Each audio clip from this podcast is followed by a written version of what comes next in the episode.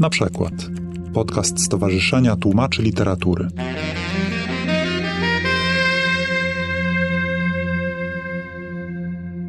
Agazano, tłumaczka z języka angielskiego. Słuchajcie, e, patrzę na ostatni problem, który stoi przed nami i dochodzę do wniosku, że należało Adze dać pierwszeństwo podczas Nie, tego naszego tutaj- spotkania, bo ja nie wiem, czy my jesteśmy intelektualnie w tej chwili zdolni do tego, żeby się zmierzyć z tym, co Dużo wypiliśmy, znaczy Aga nam oczekuję dała. od was, nie oczekuję... przypomina moje szyfry. Tak, właśnie jakby miałam nadzieję, że wstrzelę się wcześniej właśnie, żeby, żeby nawiązać do tego, ale już się nie wcinałam. Natomiast nie oczekuję od was, że będziecie w tej chwili robić tę całą matematykę, natomiast e, książka już się ukazała, więc nawet jak ktoś coś wymyśli, to sorry, ale trudno. Ja jestem bardzo, myślę, że nie, nie, jestem to- bardzo to zadowolona z mojego rozwiązania. Specjalnie zagięłam wam te karteczki, żebyście nie widzieli od razu tego rozwiązania. W mojej książce, która się już ukazała, to jest książka Immortaliści, z której jestem bardzo zadowolona. I jest to chyba najlepsza książka w moim przekładzie do tej pory. Moja nauczycielka jogi powiedziała, że na niej płakała, więc to chyba o czymś świadczy. Prawda? Tak więc w tej książce mamy cztery postaci, które to są jako dzieci lata 60. Nowy Jork, te cz- czwórka dzieci bardzo się nudzi w wakacje, usłyszeli, że gdzieś w okolicy jest jakaś romska wróżka, która przepowiada przyszłość i mówi wszystkim, kiedy umrą. Więc idą do tej wróżki, dowiadują się, kiedy umrą i to wpływa na ich całe dalsze życie, na ich decyzje życiowe i tak dalej. Są wtedy dziećmi, tak? I tutaj jedna z tych postaci, najmłodszy z tych braci, spoiler alert, umiera wtedy, kiedy miał umrzeć. I następna z bohaterów, jego starsza siostra, jest ich czwórka, przypominam, no to ta druga starsza siostra jego zostaje iluzjonistką. To są lata 70., 80., już w tej chwili Nowy Jork.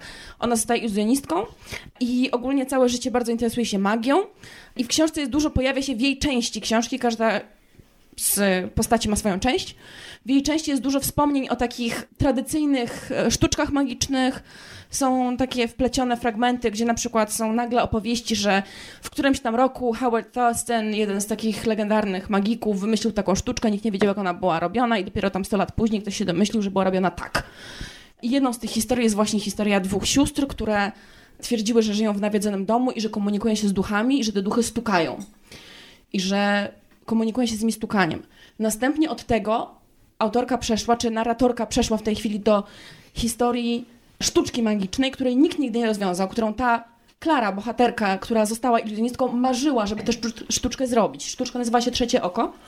Polegała na tym, że magik i jego asystentka występowali na scenie. Asystentka stała zwrócona plecami do publiczności, zawiązane oczy, nic nie widziała i ten magik przyjmował przedmioty od publiczności, mówiąc zawsze tylko jedno, mówiąc tak, dziękuję. To wszystko, co mówił. A ta dziewczyna, jego asystentka, odwrócona plecami, zawiązane oczy, zgadywała, co to jest, że to jest na przykład złota tabakiera albo filcowy kapelusz. Coś tam, coś tam i tak dalej. I przez 100 lat nikt nie domyślił się, jak ona rozwiązywała tę sztuczkę. Jak też, na czym ta sztuczka polegała. Aż w końcu pewnej nocy Klara domyśliła się, że chodziło o czas między jednym słowem a drugim, czas między słowami. Ta pustka była w rzeczywistości tym elementem spajającym, czyli ile sekund na przykład minęło między tak, a dziękuję i na podstawie tego, że tam był kod, który się jakoś spinał. Wracamy do tematu martwego brata. To było, przepraszam, ale to ważne. Czy, czy asystentka miała jakiś... Nie, to było, to są, to jest późny XIX wiek, wczesny XX. To są, Po prostu liczyła. po prostu sobie mieli jakiś, miała metronom w głowie, no muzycy też to mają, dyrygenci też to mają, więc to jest coś, co można wyuczyć sobie, poczucie rytmu można wyuczyć, zwłaszcza, jeśli ktoś z tego żyje. Więc y, tutaj... Uwaga do tłumacza. Przepraszam, ale mówię to też dlatego, że niedawno rozmawiałam z moim kolegą, który jest dyrygentem i który właśnie mi tłumaczył o tym, że poczucie rytmu i ten wewnętrzny metronom, rzeczywiście pytałam go, jak on trzyma rytm orkiestry. To on mówił, że ten rytm można sobie przez lata wypracować. On ma ten metronom w tyle głowy, Rytm tak, I koniec. Ale można mieć ten, gdzieś tam ten rytm, że się układa. Dobrze, nie, nie, nie, nie psujmy tego. Wracamy do tematu martwego brata. Klara iluzjonistka, która najprawdopodobniej cierpi na jakąś odmianę schizofrenii, chociaż to dopiero jakby później zaczynam o tym myśleć. Pewnej nocy, już odkrywszy te tajemnice tego, tej sztuczki, zaczyna słyszeć stukanie. I to stukanie słyszy wtedy, kiedy błaga tego brata swojego w myślach daj mi jakiś znak, odezwij się, powiedz mi, że istnieje życie po śmierci, że, że jest coś więcej. I w tym momencie słyszy stukot. Nie wie, co ten stukot oznacza. I po dłuższym czasie domyśla się, uznaje, że W takim razie zacznie mierzyć czas między tymi stukotami, które słyszy, których nie słyszy nikt poza nią, ani jej córka, ani jej mąż. Zacznie mierzyć ten czas między tymi stukotami, uznając, że jedna minuta to jest jedna litera. Czyli jeżeli usłyszała pierwszy stuk, minęła minuta, drugi stuk, to znaczy, że to jest litera A. Jeżeli minęło kolejne dwie minuty, litera B i tak dalej, i tak dalej. Nie muszę dalej tłumaczyć. To się przewija przez całą jej część książki. To trwa strasznie długo i to jest właśnie ważne. I teraz przechodzimy do problemu właściwego, który macie na swoich kartkach. Komunikat, który wysyła jej brat przez długi czas, to jest meet me. I to jest komunikat, który w sumie zajmuje 61 minut. I teraz mamy. Samo w sobie to już byłoby skomplikowane, bo zależało mi na tym, żeby dać komunikat, który będzie trwać mniej więcej tyle samo, bo to jest ważne. Nazwijmy to w didaskaliach narratora, że ona czeka na przykład bardzo długo i to ma znaczenie, że czeka bardzo długo. To jest ważne. Nie może ten komunikat być krótki, on musi trwać długo. Poza tym nie może być polskich znaków. Bo przecież pomyślmy sobie teraz, przecież Amerykanka nie będzie myślała, kurde, czy, czy on to jest druga litera, czy, czy, czy B to jest druga. Więc wyrzucamy to kompletnie. Nie może być żadnych polskich znaków. Ale czy zaznaczyłaś to wcześniej? Nie, nie zaznaczałam tego w tekście, po prostu jakby założyłam taką. E, taki szkielet. To jest moje ograniczenie dla samej siebie, taki szkielet pojęciowy, bo ja wiem, że jako czytelniczka zwróciłabym na to uwagę. Więc uznałam, że skoro to jest Amerykanka, to ona nie będzie słyszeć zi, bo w tym momencie to nam rozwala cały kod. Więc wywalamy wszystkie polskie znaki diakrytyczne. Musi to trwać podobną ilość minut. Komunikat musi być podobny. I teraz, żeby jeszcze bardziej dowalić tłumaczce, e, to później w takiej kluczowej scenie tej części powieści ten komunikat się zmienia z meet me na meet us.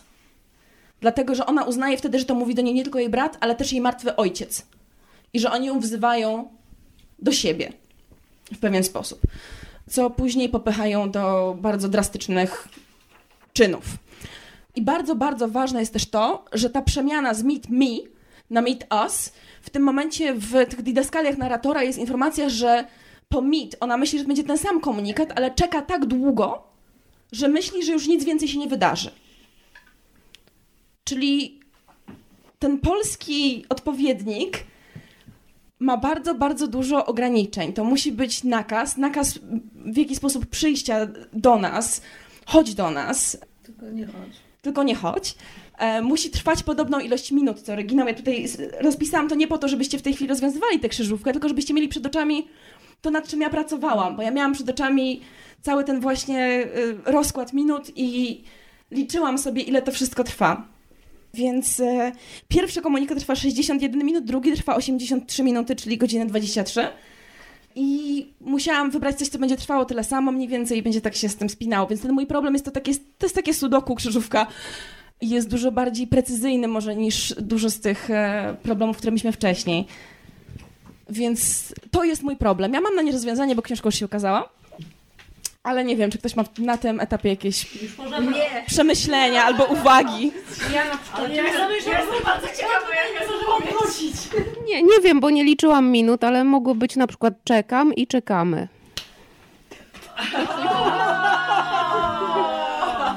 Przepraszam.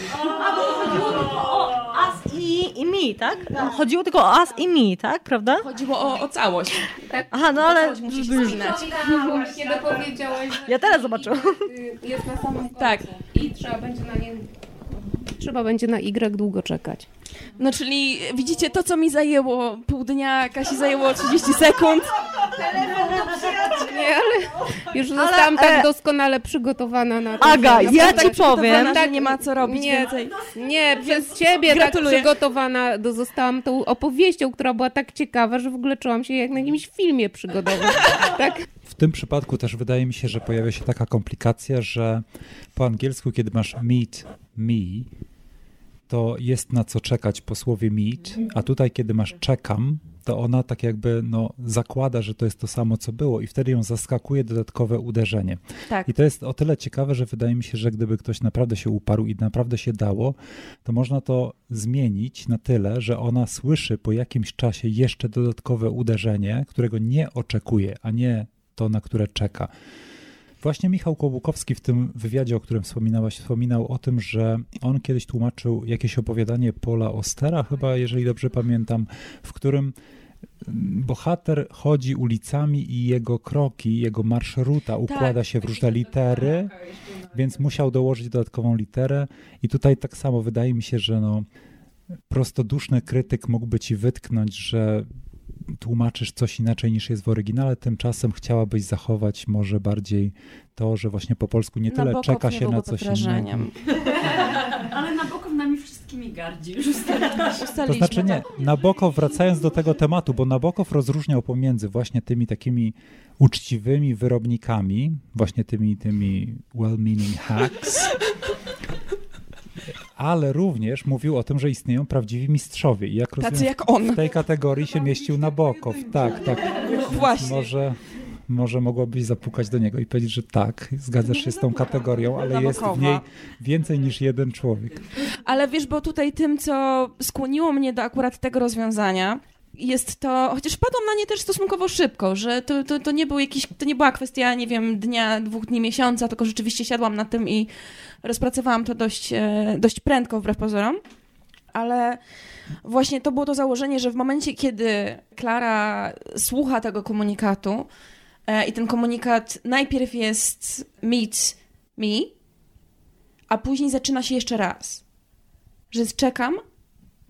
Także ona kilka razy już słyszała. To jest komunikat, to jest komunikat, który ona słyszała kilka razy w przeszłości. Ja rozumiem, teraz- teraz czeka I na teraz ten komunikat pojawia się jeszcze raz. Pojawia się jeszcze raz. I ona słyszy go w całości, czekam, czy tam meet me, Mhm. Więc po trzech minutach czeka spodziewa dalej, C, a potem- tymczasem... a potem znowu się odzywa ten komunikat. Po raz drugi w, w ciągu jednym, jakby w jednym rzędzie. Jakby nie tak jak zawsze, że był raz i koniec, tylko teraz skończył się komunikat i pojawia się jeszcze raz, jakby ktoś się poprawiał. Więc ona słucha go do końca i już traci nadzieję, że usłyszy coś jeszcze, kiedy nagle słyszy dalszy ciąg. Więc tutaj dlatego ten suspens i ta e, właśnie długa pauza pomiędzy tym jednym a drugim jest tak ważna, bo to mogłoby się skończyć na samym czekam, tak samo jak mogłoby się skończyć na samym meet teoretycznie, bo to jest jedno słowo. I to słowo musi zostać doklejone w dalszym ciągu, więc bardzo zależało mi, żeby to dopracować. Ona miała schizofrenię! Więc... A tam, tam dalej się dzieją awantury. Są awantury z mężem później, ale to, to jest dalsza część powieści, którą zresztą bardzo serdecznie polecam, bo to jest bardzo dobra książka, więc... E, i, I uważam nieskromnie, że dosyć dobrze przetłumaczona, więc...